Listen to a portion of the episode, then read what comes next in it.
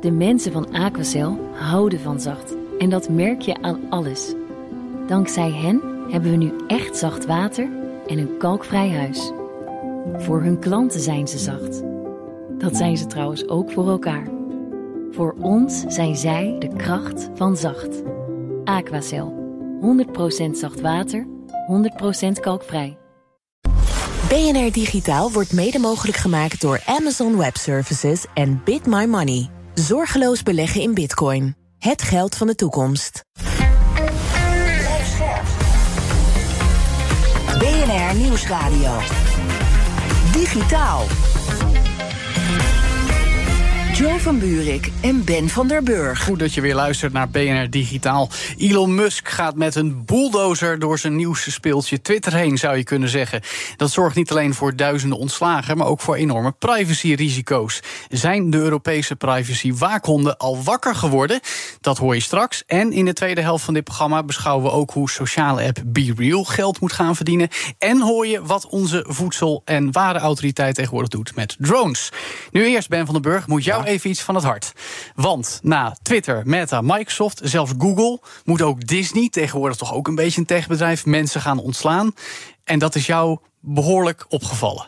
Nou, dat is mij opgevallen. Kijk, dit jaar tot nu toe in de tech-wereld 121.000, tot gisteren 413 mensen op straat. Nou, Mhm. Twitter helpt daar natuurlijk mee, eh, dus aan mee. Maar wat ik interessant vind aan de streamingplatformen, waaronder Disney. Kijk, die kosten lopen steeds meer op. Kijk, jij zei al heel goed, Joe. Een beetje een techbedrijf. Bij een techbedrijf, je maakt die software.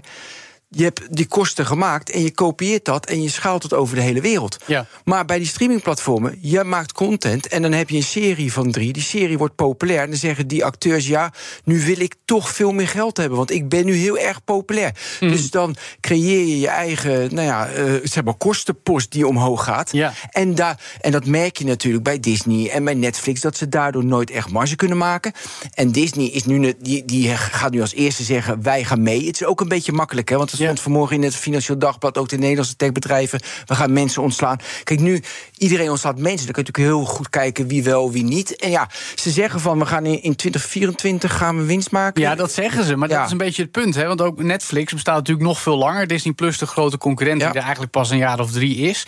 Ehm, nou ja, die 2024, om dan winst te gaan maken, dat lijkt me een beetje lastig in deze economisch onzekere tijden. Ehm, maar je hebt natuurlijk überhaupt Ben, het verhaal van streamers die zoveel geïnvesteerd hebben. Ja. En dan verwachten geld te gaan verdienen. Maar dat wordt nu om meerdere redenen opeens weer een stuk lastiger gemaakt. Gaan ze überhaupt wel een keer winst maken anytime soon? Nee, maar kijk, als jij nu, hè, als, Ja. je, als ze nu geen nieuwe content maken en ze laten die, die subscribers die ze hebben doorlopen, dan maken ze winst. Prima. Dat snap ik. Maar ja, dan Alleen hou je dan, niet dan vast. Precies, dan houden Nee. ze dat niet vast. En dan moeten ze de hele tijd nieuwe rechten kopen. Dan moeten ze de hele tijd, wat ik net zei, die acteurs meer betalen.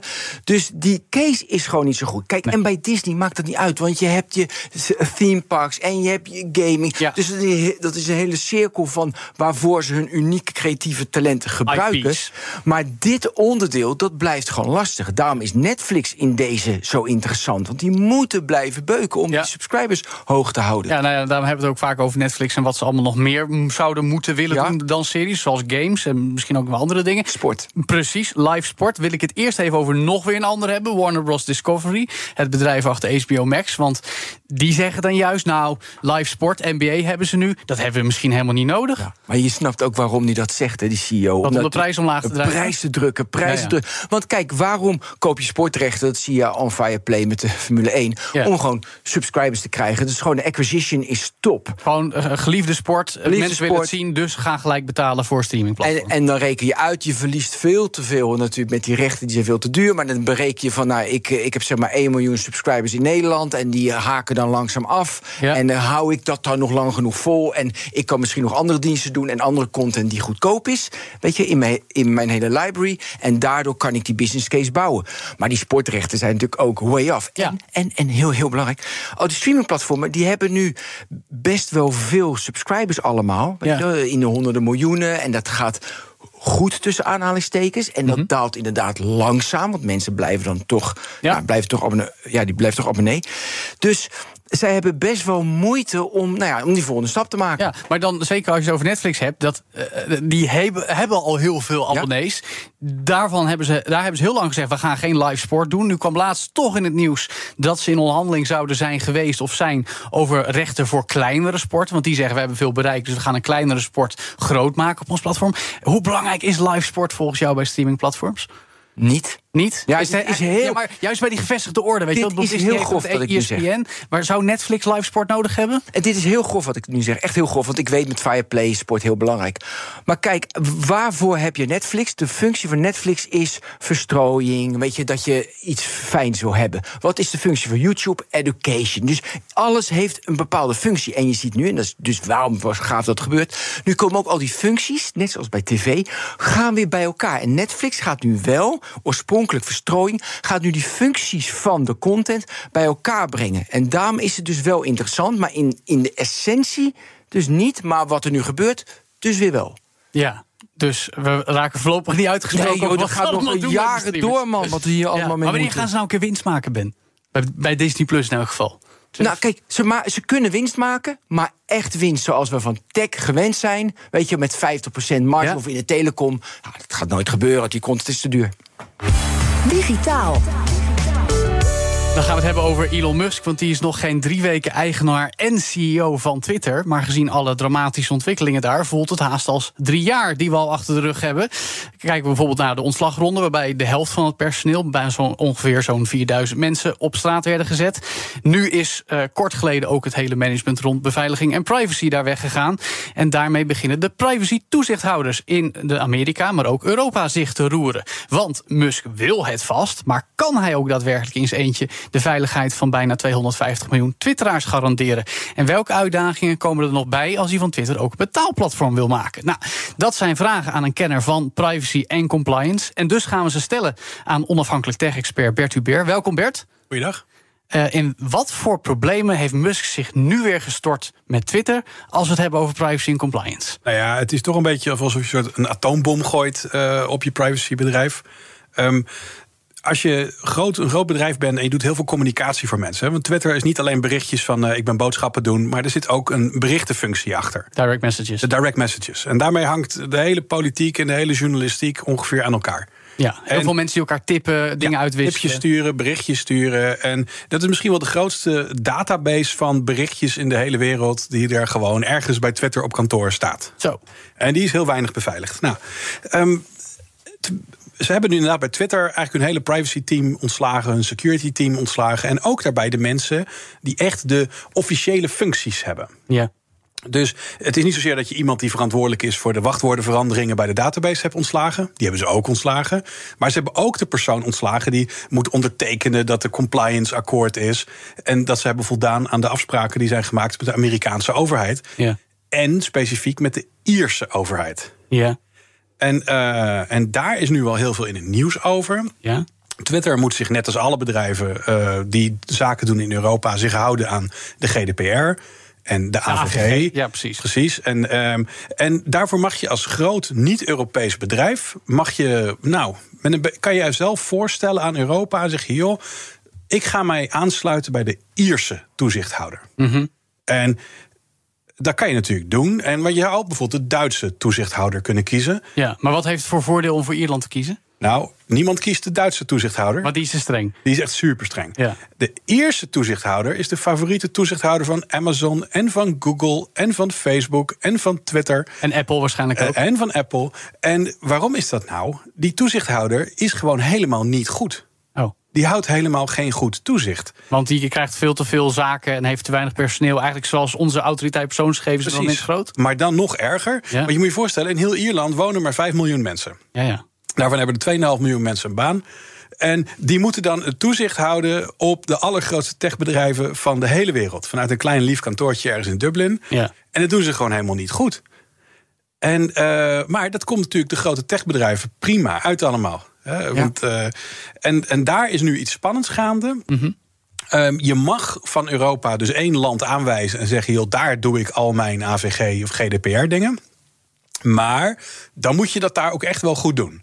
Dus daar moeten dan echt beslissingen genomen kunnen worden over het privacybeleid in Europa. Daar moeten dus ook privacy officers aangesteld zijn, die echt het officiële aanspreekpunt zijn van de toezichthouder.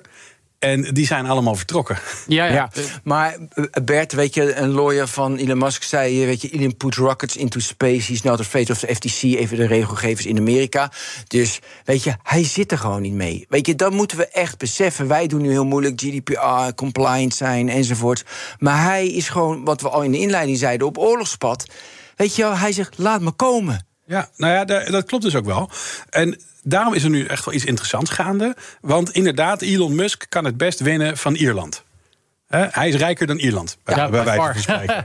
dus, eh, dus daar kom je wel mee weg. Maar op het moment dat hij er echt een te groot potje van maakt... en dat is hij nu aan het doen... kan het zo zijn dat iedere toezichthouder in Europa... dus die in Duitsland, die in België, die in Frankrijk... allemaal individueel toezicht kunnen gaan houden... tegelijkertijd op Twitter. Ja, maar mag je even, dan gaat de toezichthouder even een hele strenge, bijvoorbeeld Duitsland. Die zegt van, hier is iets gebeurd dat niet helemaal compliant is met de GDPR. En wij zeggen van, Musk, dat mag niet. Ja. Weet je wat Musk dan gaat doen? Dan mag jij nu invullen. Nou, dat is een hele goede vraag. Gaat die troll op Twitter? Ja, Ja, jongen, hij, zou- maar hij maakt ze kapot. Het zou best kunnen. Kijk, het, het is een breder verhaal dan alleen Twitter. Het is een verhaal waaruit blijkt dat Amerikaanse grote bedrijven kunnen in hoge mate zeggen: veel die GDPR. Ja, eh, dat is allemaal wel. Ja. Ja. En eh, we hebben een leuke, leuke banner, We Value Your Privacy. Ja, dat klopt. We verkopen je gegevens namelijk voor veel. Ja. Ehm, dus inderdaad, er is, de balans is, is zoek. De balans is op dit moment niet goed. En maar daarom vind ik dit nu wel zo interessant. Want we kunnen het de hele dag over Elon hebben, wat hij allemaal doet. Maar het is wel een wat breder thema. Want ook Facebook en Google en Apple. Kijk. Deze week was weer in het nieuws dat Apple bleek stiekem toch al je locatiegegevens op te slaan. Ja, hebben ze Ja. Ja, Google was het volgens mij. Ja, dat- nee, het was eerst Google en daarna ja. Apple. Ook nog? Ja, Apple was van deze Mooi. week. Is Ja, nieuw. Maar ik wil heel even ook naar de, de, de, de materie, Bert. Want ik heb begrepen dat Twitter eh, aanspraak maakt op een one-stop-shop regeling. Ja, dat- om zich eigenlijk achter te verschuilen, zou ik maar zeggen. Kun je dat even Ja, uitleggen? dat zit zo. Je mag dus, als je dus als buitenlands bedrijf, buiten-Europees bedrijf, heb je misschien geen zin om met 27 toezichthouders contact eh, te moeten onderhouden. Mhm. En dan mag je dus zeggen, joh, mijn hoofdtoezichthouder zit in dit land van Europa, want daar neem ik substantieel de meeste beslissingen. Ja, dat is dat verhaal waarom ze aan Ierland Ja, dat is de one-stop shop. Ja. En dat betekent als een Nederlander ongelukkig zou zijn met Twitter, of met Facebook of met Google, dan kan die niet hier klagen.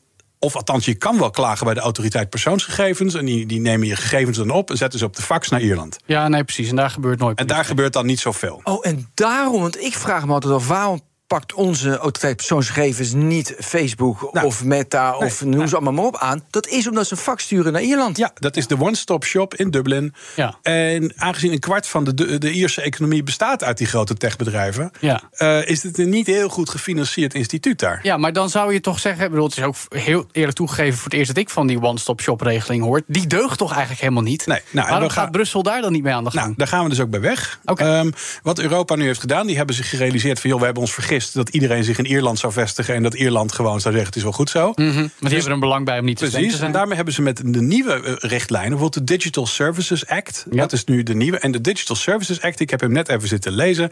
nou, dat is een menukaart om je vingers bij af te likken. En daarvan hebben ze gezegd... grote bedrijven mogen nou, allemaal dingen niet meer doen... en daar komen we zo misschien wel even op wat ze niet meer mogen doen... Ja. maar hebben ze ook gezegd, dat gedoe met die nationale regelgevers... dat werkte dus niet. Nee. Dus we gaan dus nu rechtstreeks vanuit de Europese Commissie... gaan we hier toezicht op houden. Ja, en dat strookt ook een beetje met wat bijvoorbeeld Thierry Breton al meermaals en ook onlangs weer tegen Musk zei. Zo, Ja. nee, ja, mooi hoor, meneer Musk met Twitter, maar we hebben die Digital Services Act, die komt eraan en u moet zich gewoon aan de regels houden. En Musk knikt heel braaf ja. Nou, dat zou ik ook maar doen. in de realiteit dan? Nou, dat zou ik ook maar doen als ik hem was. Kijk, die Digital Services Act, dat wordt pas echt actief ergens in 2024. Ja. Eh, nu is die getekend en begint de aanloop ervan. Maar in 2024 kan de Europese Commissie, en die is wel groter dan Twitter, Ja, eh, kan in zijn eentje zeggen: joh, 10% omzetboete. ja. Nou, en dan krijg je zelfs Elon Musk wel aan het huilen hoor. Ja, nee, dat weet ik. Maar we hebben natuurlijk heel vaak gehoord van 10% en eh, boetes. Nee, maar in in de praktijk, ja, je zit nu, ja, dat zo, je vindt het echt eng. Maar ik denk dat er dan zo'n juridische procedure komt en dat duurt zo lang. En waardoor, nou ja, hij is dus niet bang, naar mijn idee. Dus ik, ja, hij is dus niet bang. Nou, laat ik het zo zeggen, Bert. Zou er een goede reden zijn waarom Musk banger zou zijn voor onze Europese waakhonden dan de Amerikaanse beurswaakhonden, waar hij het al heel vaak mee aan de stok heeft gehad? Joe. de Ja. Federal Trade Inderdaad. Commission. Ja, Hè, dat is wel een ook niet hele vrienden. Ja. Nou, ik moet zeggen, als we kijken naar de regels die in Europa zijn opgesteld, die zijn, hebben een stuk meer tanden. Mhm. Eh, en daar kijken ze in Amerika toch ook wel een beetje verlekkerd naar. Want daar zitten er ook afspraken in dat men zegt van joh, je kunt niet zomaar meer straffeloos eh, bedrijf A van Twitter of Facebook verwijderen en bedrijf B niet. Hè? Ja. Want dat is nu een van de problemen. Als Mark Zuckerberg of, of Elon Musk met een boze bui wakker wordt, dan flikkert hij heel BNR eh, van Twitter af. Want dan zeg je ja, ik vind jullie gewoon niet leuk. Ja. Nou, onder die Europese regels kan dat niet meer. Dus dan, dan kan je echt hele dure procedures beginnen. Terwijl als dat nu gebeurt, als je 's ochtends wakker wordt en je Twitter-account is bevroren, dan kun je op een knopje drukken van, eh, nou, eh, ik, ik ben niet blij. Nee, Ik wil een klacht indienen. precies. En dat is dan ook alles wat er gebeurt. Ja. Maar Dus, dus nee, maar jouw hele hoop is nu dus de DSA, de Digital Service Act, met de regelgeving, want er zijn de boetes hoog, eh, 4% en 10, nou ja, eh, 10% was het ja. Nee, 4% Nee, trouwens. 10% van de DSA. ja, Oké, dat, dat is dan de maar goed, eh, daar, daar is al je hoop nu op gevestigd. Nou, is dat niet een beetje ik- naïef, Bert? Ik weet niet, eh, alternatieven zijn dat we raketten gaan afvuren op Elon Musk of zo. Maar Nou, daar dan heeft moet- hij er ook meer van. Dat moeten we ook niet willen. maar we Eh, moeten er wel iets mee natuurlijk. Precies. Eh, nu wil ik het ook hebben over een ander hersenspinsel van Musk, waar hij ook van tijd tot tijd over spreekt, maar waar we eigenlijk te weinig over horen. Namelijk het feit dat hij misschien ook een betaalplatform van Twitter wil maken. X the Everything app. Ik besefte laatst pas dat het resoneert met X.com, wat hij ooit had, wat samenging in PayPal, als ik het goed heb. Ehm, wat voor moeilijkheden gaat hij tegenkomen als Twitter heel transactiegedreven moet gaan worden? Ja. Want dat wordt nu al met Twitter Blue eh, is, is een hoofdpijndossier, maar dat gaat dan vooral om die verificatievinkjes kopen. Maar wat komt er nou bij kijken, ook vanuit Europese wetgeving, als hij zegt we gaan allemaal met elkaar betalen via Twitter? Nou, ik denk eerlijk gezegd dat hij dat betalen alleen in Amerika gaat doen. Oké, want daar kan dat makkelijk. Want in Amerika is de betalingen zijn zo slecht en zijn zo duur. Dus als je bijvoorbeeld een tientje wil overmaken in Amerika naar iemand anders, kost je dat via een bank 26 dollar. Ja, daarom zijn er ook allerlei diensten die dat Dus, faciliteren. dus daarom is er een markt voor alternatieve betalingsmethodes. Dus ik snap op zich nog wel dat je dit in Amerika gaat beginnen. Mhm. Maar het interessante, wat blijkt nou, als jij dus een bankachtig, als jij een bank wil gaan spelen, dan word je ook gereguleerd als een bank. En wat blijkt nou? In Amerika hebben ze geen one-stop shop voor een bank. Dus als je een bank wil beginnen, moet je in iedere staat van Amerika een apart kantoor openen. Nou, dat is zelfs voor een Twitter wat, wat veel werk. En dat blijkt, het is zelfs voor Apple wat veel werk. Want Apple heeft ook een bank gestart, een betalingscircuit in Amerika. En die hebben dat uitbesteed aan Goldman Sachs. Mhm. Ja, ja. Want die hebben gezegd, dit is te moeilijk voor Apple. Oké, En nu zegt Elon, nou, maar ik ga dat gewoon doen. ik kan het wel. Ik kan dat wel. Ja. En ehm, nou ja, in Amerika wordt ook heel veel geld verdiend aan betalingsverkeer. Dus als je met een creditcard iets betaalt, dan blijft er 2% eh, haken. Of blijft, ja, blijft aan, de, aan de strijkstok hangen ergens. En die kan je dan vaak weer terugverdienen als allemaal punten en zo. Ja. Dus het is misschien is het wel heel aantrekkelijk eh, daar om in het betalingsverkeer te gaan zitten. Tussen mensen die interessante tweets maken. En die zouden dan wat geld kunnen gaan verdienen. Want dat zit ook in het plan. Ja, maar PayPal is ook ooit gewoon naar Europa gekomen en werkt best aardig. Ik gebruik het van tijd tot tijd wel. Dus eh, in theorie zou ik openstaan voor dat idee. Of, of is er met PayPal iets wel heel goed gegaan dat Musk met Twitter waarschijnlijk niet gaat lukken? Het- ik, ik vermoed als je achter de schermen gaat kijken. dat PayPal inmiddels een vrij gewone bank is geworden. Ja, ja, ja. En dat Ja. die misschien ook als een cowboyclub is begonnen. Maar nu krijg ik ook allemaal regulatory dingetjes. En, en ken je klantregelingen met PayPal. Ja. Dus het, het spannende is daar ook wel af. ja. Nou ja, wat mij opvalt, weet je, ehm, hij, hij verzint iets, iets way-offs. En dan gaan wij met onze rationele geest en onze MBA's gaan we allemaal analyseren. Dat kan wel, dat kan niet, regelgeving, problemen, problemen, problemen. Maar ja, weet je wel, hij- je moet ook gewoon iets verzinnen en dan daar vol aan werken. Dus het is ook een manier van benadering. Kijk, wij benaderen dit allemaal vanuit hier de studio, maar altijd vanuit een ratio. En dit is allemaal irrationeel. Ja. Dit is ook gewoon proberen. Dus de Everything app, Ja. weet je, waar, die, waar hij over praat. Ja. Ja, dat zeggen wij ook nu. Kansloos. Maar ja, hij heeft heel veel dingen. Rockets to the moon, eh, to Mars. Ja, Ja. Maar als je nou voor de grap kijkt, zijn er andere innovaties. Die raketten heeft hij gebruik gemaakt van kennis die al lang aanwezig was. Maar iemand moest het een keer gaan doen. ja. En dat heeft hij wel heel goed gedaan. Dat moet wel gezegd worden. Maar dat was nou net geen. Ja. Ja, hij is eigenlijk meer gewoon een hele handige koopman die een beetje verstand van techniek heeft. Nou, als we nou toch over Elon gaan hebben. Ja. Een van de dingen die hij echt wel dan goed doet. En verder vind ik het echt een hele vervelende en gevaarlijke man. maar wat hij wel goed doet, is tegen techneuten zeggen. in sommige bedrijven van hem. Ga los, jongens. Jullie mogen. Ja, jullie mogen eindelijk doen wat jullie bij de andere saaie bedrijven niet mochten. En daar komen dan soms hele mooie raketten uit. Ja. Dus- of voor elektrische auto's. Of elektrische of auto's. boren. Dus, dus in zoverre zie ik er wel wat in. Ja. Maar aan de andere kant, als je zegt: ik wil een financieel stelsel worden, ik wil een winkel beginnen, een shop for everything waar iedereen op kan gaan bouwen. dat is niet Elon. Nee. Dat is niet wat je achter hem verwacht. Maar je wil ook buiten Elon is dat toch wel in het Westen mogelijk, naast WeChat in China. Als jij gewoon qua ideeën, heel moeilijk, maar dat. Het zou kunnen, maar ik ben op zich best wel blij dat wij een los, goed functionerend betalingsverkeer hebben. Ja. Waarbij mijn bank niet op mij zit te spioneren. Want mijn bank mag dat niet. Ja. En dat vind ik eigenlijk wel lekker dat die bank een eentje los is van het casino. Ja, en eh, jij wilt ook graag zo houden. En eh, die privacy-risico's houden we zo nog een beetje op afstand. Ja, ik Als vind wel wel zijn zin zou krijgen, dan zouden we ons echt zorgen moeten maken. Dan zou ik me veel meer. Want dan moet je dus een toezichthouder gaan bouwen. Met een omvang. Want zoals, zoals Ben net ook al zegt, Elon probeert inderdaad allemaal wilde dingen. En daar moet dan zo'n toezichthouder achteraan rennen. Dus je zou dus bijna zeg maar, een dedicated Elon. Toezichthouder met zeg maar, duizend ambtenaren die niks anders zitten te doen dan zijn, zijn spullen binnen de ra- rails houden. Nou, dan moeten we een heel team nannies aanleggen. Dus weten we dat ook weer. Dankjewel, onafhankelijk tech-expert Bert Hubert. Straks in BNR Digitaal over betalen voor een sociale app gesproken. Moeten we dat wellicht in de toekomst ook voor een nieuweling op dat vlak? Biriel. En wat zien ze vliegen bij de Nederlandse Voedsel- en Warenautoriteit? Dat zijn drones. Maar waarom eigenlijk? Dat hoor je ook zo. BNR Nieuwsradio. Digitaal. Joe van Buurik en Ben van der Burg. Goed dat je nog steeds luistert naar BNR Digitaal. De NVWA maakt gebruik van drones. Om bijvoorbeeld letterlijk een helikopterview te krijgen op gebieden met bepaalde gewassen. Daarover vertelt die instantie deze week meer op het ECP Jaarfestival in Den Haag. En zometeen in BNR Digitaal. Dus nu eerst. De zoekopdracht. En vandaag hebben we het een en ander laten uitzoeken over Biriel. Een sociale app die vooral dit jaar is doorgebroken met een eenvoudige formule. Eenmaal per dag krijgt iedereen die hem gebruikt tegelijkertijd een melding... om twee foto's te maken met de camera op de voor- en achterkant van je telefoon. En die deel je dan met iedereen of alleen je vrienden... om te zien waar ze op dat moment mee bezig zijn. Maar die app is gratis en zonder reclame... dus hoe gaat daar ooit geld mee verdiend worden?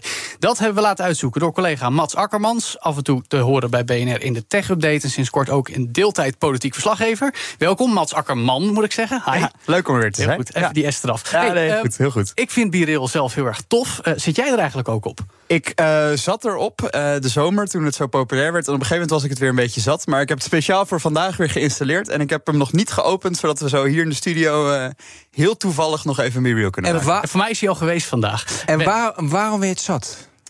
Nou, ik zat dus vijf van de zeven dagen zat ik hier meestal achter mijn bureau. Dus dat was elke dag Saai. was het dezelfde foto. Ja. Ja, maar het zijn in principe wel verschillende tijdstippen per dag dat je die meldingen krijgt. Maar Ja, het is maar ik een maak lange dagen. Joe. Ja, jij wel. Eh, ik heb het drie keer geprobeerd. Ja? Eh, ik moest weer van jou, Joe. Ja. En, eh, maar toen lag ik eh, s s'avonds op de bank en dan moest ik een foto maken. Dan denk ik, ja, dan moet ik nemen van mijn woonkamer. Want ik keek gewoon tv. Ja. Ik denk, ja, dat ga ik niet doen. Nee, dat snap ik. Maar ik vind het juist leuk om inkijkjes te krijgen in de levens van bekenden, van vrienden, van collega's.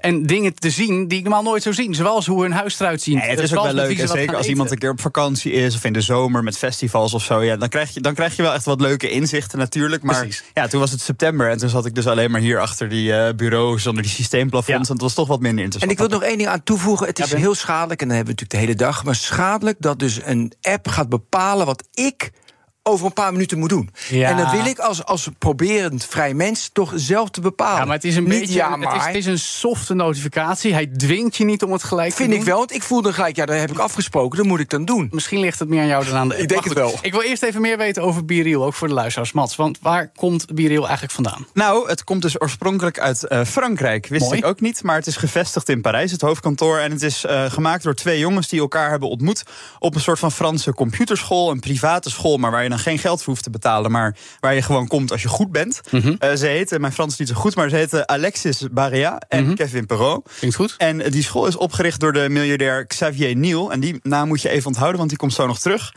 Gelanceerd in 2020 en vooral afgelopen jaar natuurlijk echt eh, geëxplodeerd qua Ja. aantal mensen die het gebruiken. Ja, ik weet nog dat het in april opeens in het nieuws kwam. Toen ben ik het gaan gebruiken. In de loop van de zomer dus meer. Hoeveel mensen hebben ze nu volgens de cijfers? Er wordt geschat dat er nu 10 tot 15 miljoen dagelijkse gebruikers zijn. En ze zitten al over de 20 miljoen maandelijkse gebruikers. Dus dat zijn behoorlijke aantallen. Want in april, toen jij het dus ontdekte, ging het nog om 3 miljoen. Zo. Dus je ziet dat dat in, eh, in ja, wat is het, eh, pak een beetje een half jaar tijd best wel is toegenomen. Ja. Vooral in de zomer dus werd het heel erg populair. In juli bijvoorbeeld, toen kwam het in Amerika op nummer 1 van meest gedownloade apps. En in juli nam het aantal downloads ten opzichte van juni ook toe met 86 Dus Ja. twee keer zoveel downloads een maand later. Ben? Mats, heb je ook opgezocht wat de verklaring is dat die app zo populair werd? Uh, ik weet het eigenlijk niet precies. Nou ja, het is volgens mij in Amerika is het zo populair geworden omdat het daar heel erg op de universiteiten uh, populair is geworden. Een beetje zoals Facebook. Dus ook geplukt geld van die feestjes. Ja, ja precies. Dus daar maar toch ook het, echte leven. Het, was toch, het is een beetje toch een reactie op Instagram, leuk, TikTok, leuke. Uh, ja, daar is het natuurlijk mee gemaakt. Met, he, iedereen was het een beetje dat, he, dat was perfecte. He, ik maak ja. me helemaal op filter en ik, ik photoshop mijn wallen weg en ik, ik maar haal er nog een paar kilo af. En, nee, dat zijn gewoon rauwe daar, foto's. Daar van was een... Gen Z, zeg maar, de echt jonge jongeren, die waren klaar met dat alles eigenlijk fake was. En daarom is het populair geworden. Want het is dus vooral ook heel erg populair. We hebben het steeds over gebruikers. Maar het zijn met name jongeren. En uh, dan echt jonge, jonge jongeren. Die uh, vooral deze app gebruiken. En heb je er ook nog onderzocht, misschien over vraag ik je nu hoor. Dat, dat, je, dat ze en Be Real gebruiken van het echte wereld. En dan ook nog TikTok om de mooie filmpjes. En ook nog Instagram om de echt mooie foto's. Dat ze beide gebruiken met fake accounts erbij. Want dat hoor ik altijd van Gen Z. Dat is een goede vraag eigenlijk. Ik heb daar niet echt nee, geen zo, maar, maar dat is het idee, hè? Maar je had het net over jonge gebruikers. Hè? Kun je daar wat over zeggen? In hoeverre zitten er veel meer jongeren op Biriel ten opzichte van de andere gevestigde orde? Dat nou ja, uh, uit onderzoek blijkt dat 91% van de gebruikers onder de 35 is. En Zo. als je dat dan vergelijkt met Snapchat bijvoorbeeld, daar staat 73. Bij TikTok had ik niet verwacht, maar 44. Zo, Weinig. dat is echt wel veel oude mensen op TikTok echt, tegenwoordig. Van die andere dingen is BeReal echt, dat zijn echt de, de super jonge doelgroep. Ja, nou dat is wel interessant. Maar goed, dan eh, komt een interessante vraag. Hè? Want zo'n jonge doelgroep, is die überhaupt interessant om te monetizen? Weet je wel? Een heleboel die mensen die hebben nog niet eens een creditcard, misschien niet eens een bankrekening. Wat, wat is hun perspectief om geld te gaan verdienen met BeReal? Want ik zie er ook geen advertenties in. Nou ja, op dit moment uh, zijn ze eigenlijk nog volledig afhankelijk van investeerders Mm -hmm. die het overeind houden. En dan komen we weer even terug bij die Xavier Niel, waar we het aan het begin over hadden. Yeah. Want uh, die zag zelf niet zoveel in de app, maar zijn zoon is een Gen Z'er. En Aha. die ging die app gebruiken. En toen zag hij dus als vader: hé, hey, mijn zoon is heel erg fan van deze nieuwe app. En uh, hij zou dus bereid zijn volgens Financial Times om er 1,2 miljoen dollar in te investeren voor 10% aandeel in het bedrijf. Ja. En uh, dat is zo een beetje gaan lopen, want het bedrijf, uh, de app moet het vooral hebben van venture capital. Dus durfinvesteerders die zeggen, nou, ik ben wel benieuwd, ik kijk even. En in 2021 is er toen een investeringsronde geweest van 30 miljoen. En afgelopen jaar volgens Business Insider in mei ook nog eens weer een nieuwe ronde waar 85 miljoen is opgehaald. Ja. Die bedragen, daar zijn ze zelf niet transparant over. Die hebben ze Uiteraard. zelf niet bevestigd. Maar de geschatte waarde in ieder geval is nu 600 miljoen. Volgens, volgens de Financial Times. Volgens de Financial Times, inderdaad. Ik zocht net die Xavier uh, Niel. Niel op met net worth 8,3 miljard. Nou, kun je dat nagaan. Is behoorlijk. Ja. Dus dan is 1,2 uh, miljoen is niks. Een van de investeerders is dus Horowitz. Die ja, kennen we, dat is Ben. een grote, ja. Ja, die zien hier dus daar blijkbaar iets in. Maar goed, die zien ook wat in Web3. Daar vinden we misschien ook wat van. vinden Maar we dus ook in, van. in. Nou ja, die durven dus, weet je, het is het, het is het oude mantra. Hè? Gebruikers, gebruikers, gebruikers en daarna gaan we geld verdienen. Maar dan is altijd de vraag, hoe kan je geld verdienen op het internet? Eén, mensen laten betalen. Twee, advertentiegeld. Dat Ja, zijn, zijn er niet meer mogelijkheden dan dat? nou ja, dat, ja, ja, maar kijk, dat kan je helemaal ondersplitsen natuurlijk. Je kan Ja. ondersplitsen, want moet jij het betalen, zeg maar, voor, voor- content? Of betaalt iemand anders dat voor je? Dus dat kan je onderscheid maken, maar dat zijn er twee. Doe je advertenties, heb je toch bereik nodig of een specifieke doelgroep? Nou, de jongeren advertenties, hoe gaan we daarmee om? En jongeren ook dat ze iets betalen voor een digitaal goed of iets, iets anders of een subscription. Dat, is, dat wordt best een moeilijk verhaal, ook omdat het natuurlijk klein blijft. Ja. Jij- Het zijn jouw vrienden. Ja, het zit in het die is juist groep. best een intieme app. En, dat, vind ik er zo leuk En dat aan. is nu waar ze mee bezig zijn natuurlijk. Want waar ik net antwoord op gaf was eigenlijk vooral hoe ze nu aan hun geld komen. Maar Ja. ook investeerders willen natuurlijk op een gegeven moment geld gaan zien. Wat En zijn jij- hun gedachten? Ja, dat hebben ze zelf gezegd over Ja. die model. Nou, ze willen in ieder geval reclamevrij blijven. Dat eh, Financial Times heeft ook medewerkers gesproken. Heel duidelijk. Nee, dus niet inderdaad dat je allemaal balkjes krijgt en Dat gesponsorde zei Max dingen. Zuckerberg ook, hè? Ja. totdat ze naar de beurs Ja, nee, ja, je kan eh, eh, het, iets beloven en het ook daadwerkelijk doen zijn natuurlijk twee verschillende dingen. Maar het plan is om reclamevrij te blijven, Ja, maar dat ze wel dingen als in-app aankopen gaan aanbieden. Dus eh, waar ik zelf heel erg aan zit te denken is bijvoorbeeld dat je in FIFA of andere games dat je van die lootboxes hebt en dat jongeren dan voor kleine bedragen steeds kleine extra. Maar wat zou je dan kopen? Laat ik, ik, bedoel, ik zou niet weten wa- wa- waar ik geld voor over zou hebben in Biriel. Is dat juist zou die, die kneuterigheid is voor mij ook de charme van die app. Ik hoef Ja. helemaal geen extra's erbij. Nee, nee ja, dus dat, dat zijn de ideeën. Maar inderdaad, wat ga je dan in godsnaam verzinnen dat jongeren denken... En, en nu ga ik even een eurotje neerleggen om eh, in Be Real... eh, Als- stickertje. Ik zou een voorbeeld geven. Ja. Als ik het echte leven van Max Verstappen mag zien... Ha. heb ik een tientje per maand voor over. Dat vind ik interessant. Dan neem je dus abonnement op mensen. Nou ja, ik kan me voorstellen, als iemand echt groot is... Dan Ja. krijg je... Maar dat is wel interessant, want dan heb je het over het Patreon-model... of, of OnlyFans dat betreft. Nou, Ja, dat- OnlyFans is OnlyFans. ja. Precies, en eh, eh, Musk met Twitter wil dat misschien toch ook gaan doen. Want Twitter heeft ook ooit een onderzoekje gedaan... of ze abonnementen op volgers of op accounts zouden gaan toelaten. Hmm. Dus dan zet je het op Ja. de persoon. Ja, iets ook waar over, Ik snap over hem wel. gepraat wordt of gespeculeerd wordt, is dat bedrijven challenges kopen. hè. Je weet wel van die dingen dat jongeren dan allemaal een challenge gaan doen. Ja. Maar dat een bedrijf zijn naam eraan hangt en dat dan via BeReal die challenge wordt gepromoot. Van ga nu allemaal naar de Burger King om een burger te eten en maak er een foto van. Dat of zou zo. ook nog kunnen. Misschien niet een heel gezond voorbeeld, maar. Maar dat- dat schaar ik dus onder het advertentiemodel. Want dan ben je afhankelijk van, van het marketingbudget. Gaat het economisch wat minder, ben je dat kwijt. Maar dat zou kunnen, hè? dat zou Ja. kunnen. Als het Ja. groot is, Ja. is dit een idee. Maar tot slot dan nog even, het kan ook gewoon zijn dat ze willen worden overgenomen, toch? Ja, daar kan je natuurlijk op hopen inderdaad. En dan Hè. cashen, en Instagram dan zien we wel wat een miljard werd overgenomen door Facebook. Maar goed, dan moet je ook maar kijken of de, alle waakhonden die overnames goedkeuren. Nou, daar Ja. zit jij beter in dan ik. Maar dat is dan ook maar weer de vraag. Zeker als het een bedrijf is wat inmiddels wordt geschat op 600 miljoen. Dat kun je niet Ja. zomaar overnemen. Maar goed, je ziet dus ook dat andere bedrijven nu gewoon het misschien niet willen overnemen. Maar dat ze het gewoon kopiëren. Hebben Ja. het al vaak genoeg Dat over gebeurt ook al, TikTok Instagram, en Instagram. kopieert gewoon die functie van. BeReal in Instagram. Ja, dan hoef je het ook niet meer over te nemen. En dat gaat misschien ook weer knagen aan de populariteit van BeReal... als het Ja. in andere populaire apps gaat zitten. Dus Ja, tot slot nog heel kort. Hoe, hoe, hoe blijf je nou real be real? Jij zit er immers ook weer op. eh, ja, is eigenlijk bijna onmogelijk. Ik zat, ik zat vrijdagavond op een dakterras in Den Haag... en ik zag allemaal jonge meisjes foto's maken van de lucht met BeReal. En Ja, mijn mobiel lag achter de bar aan een oplader, kon ik even niet bij. En ik kon echt real met eh, een goede vriend van me een keertje bijpraten... zonder gestoord te worden door dat soort meldingen. En dat was eigenlijk wel heel fijn. Voor jullie geen be real dus. Maar goed, weten we dat ook weer. Dankjewel, collega Mats Akkerman. Joe van Buurik en Ben van der Burg. De Nederlandse Voedsel- en Warenautoriteit maakt tegenwoordig gebruik van drones. Om in allerlei situaties beter toezicht te houden. En dat vooral ook gemakkelijker en efficiënter te doen. Maar hoe gaat dat precies? En welke technologie wordt er verder nog gebruikt door de NVWA? Dat gaan we vragen aan Rob Broekman. Bij de NVWA verantwoordelijk voor remote sensing en data-acquisitie. Welkom Rob. Ja, dankjewel. Hi. Welke taken laten jullie eigenlijk vervullen door drones? Als je even de belangrijkste moet opnoemen. Ehm, voor visserij, illegale fuiken detecteren doen we met drones. Ehm, wij zijn eh, plantgezondheid eh, voeren we uit met drones. Wij voeren, eh, we hebben een test en diverse pilots uitgevoerd, bijvoorbeeld voor de Afrikaanse varkenspest, zeg maar, om te monitoren hoe de zwijnenpopulatie zich verspreidt en waar ze zitten. Ja. Dat is een eh, mooi project geweest. Dat zijn eigenlijk allemaal voorbeelden waarbij je gewoon over een gebied vliegt met een drone om in de gaten te houden of er iets te detecteren valt. Ja, je krijgt een andere blik van boven. hè. Je gaat meer zien, eh, je gaat andere dingen zien. En eh, het maakt het voor de inspecteur makkelijker om naar de juiste plek op het juiste moment te gaan. Ja, nu kan ik me voorstellen dat je heel veel drones nodig hebt om al die projecten tegelijkertijd uit te voeren. Ja, inmiddels hebben we 86 drones, ook verschillende types. Elke droneoperatie vergt soms een andere type drone. En de drone is in principe maar het, het vervoersmiddel. Eh, Ja. De sensoren die eronder zitten, is eigenlijk het, het belangrijkste. Ja. Dus we hebben een grondradar, we hebben een hyperspectrale camera, LiDAR, eh, multispectrale camera's. Ja. En, en die techniek, ja, dat biedt heel veel perspectief voor de toekomst. Ja, de drone is eigenlijk alleen maar het vervoersmiddel. En afhankelijk van wat voor apparatuur je eraan vastschroeft, kun je er verschillende dingen mee doen. Ja, inderdaad. Hey, en daar gaan jullie dus denk ik dan ook deze week over vertellen op het ECP Jaarfestival. De visie van NVWA rondom jullie inzet van drones. Waarom moet de wereld weten, in ieder geval in Nederland, wat jullie daar allemaal mee kunnen? Ja, wij zijn eigenlijk ook een, eh, binnen NVWA een transitie eh, aan, aan het, eh, van zintuigelijke naar digitale waarneming. Dus eigenlijk, ja, wat zien we als mensen? Eigenlijk heel beperkt. Maar vanuit vliegtuigdata, satellietdata, drone-data gaan we veel meer zien. En wij hoeven het niet zien. Uiteindelijk kan de computer de inspecteur helpen om juiste plaatsbepaling te bepalen. En of je wel of geen monster neemt van een plantje of eh, van, een, van een boom. Ja, precies. Ehm, worden dat soort dingen eigenlijk elders ook al toegepast? Of zijn jullie als NVWA een beetje een uitzondering met hoeveel gebruik jullie al maken van drones?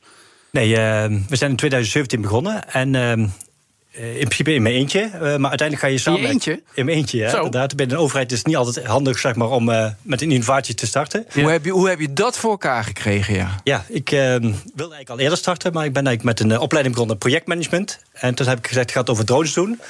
En eh, als je een opleiding doet, hoef je eigenlijk minder verantwoording af te leggen, zeg maar, eh, eh, waar je mee bezig bent. Toen heb ik een experiment uitgevoerd. Onze inspecteur-generaal uitgenodigd, alle di- divisiedirecteuren, die zijn allemaal gekomen uiteindelijk. En het was een experiment met, met fuiken of met iets anders? Nee, met, met, met drones boven bosgebied, Bosgebied. voor landbouwpercelen, water, perceelsmeting, plas-drasgebieden.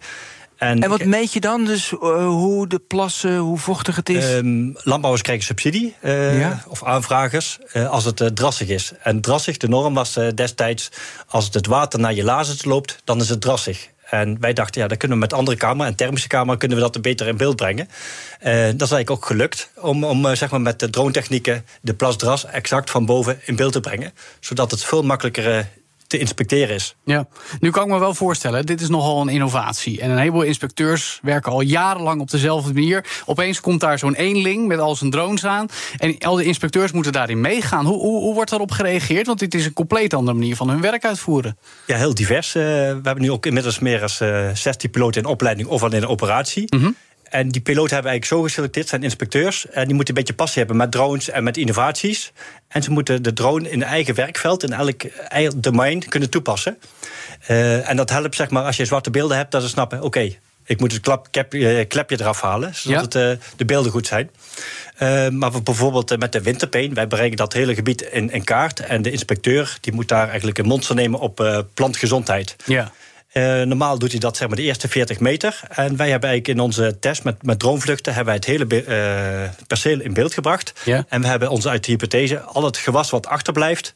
Uh, daar is de kans op ziektebeeld groter. Ja, dat snap ik. Maar die inspecteurs, vinden die dat in één keer oké? Okay? Of deden ze in eerste instantie heel erg laatdunkend over... oh, er komt opeens iemand met een drone die het zogenaamd even beter gaat doen? Ja, ze zeiden, droom maar lekker verder. dat gaat niet werken. Bij de politie destijds hadden ze ook drones geïmplementeerd. En daar werkte het toen ook niet. Er was toch ook wel weerstand om dat toe te laten in de methode, zou ik ja, zeggen. je moet het eigenlijk aantoonbaar maken dat het werkt. Ja. ja.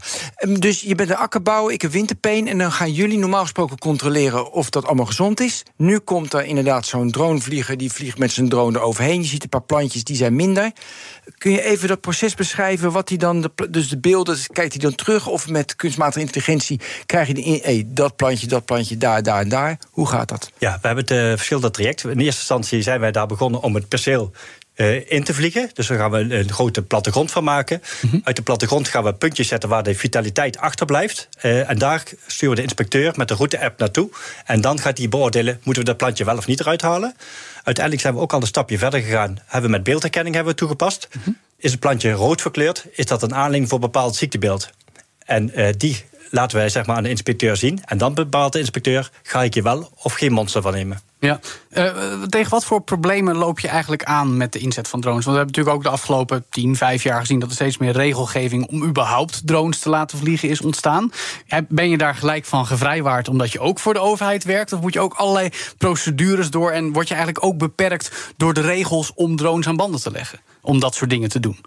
Um, ja, we hebben natuurlijk ook met de luchtvaartwetgeving te maken, net als uh, een ieder. Um, we zijn wel uh, destijds state operator geworden. Dus mm -hmm. uh, dat je vanuit de staat, net als politie en brandweer... Toch een beetje uitgezonderd van sommige regels die voor de, de, de consumenten gelden, ja, of voor bedrijven. nu Zoals? zijn we overgegaan naar de Europese wet en regelgeving. En dat betekent zeg maar, dat we de, alle condities die er nu aanwezig zijn, daar we aan moeten voldoen. Dus ja. we hebben daar ook een vliegorganisatie voor opgezet. En je moet dan borgen dat er een training gegeven wordt, dat de drone onderhouden worden, ja. dat de mensen opleiding krijgen, dat de mensen op de juiste plek vliegen en Ja. mogen vliegen. Maar wat, wat ben het Ja, wat voordelen, ja. zijn er dingen die jullie wel mogen die ik niet mag met mijn drone? Ehm, als je de, de volledige opleiding doet, in principe eh, heeft iedereen een opleiding nodig om te mogen Ja, vliegen. Het droombewijs. Het droombewijs, inderdaad.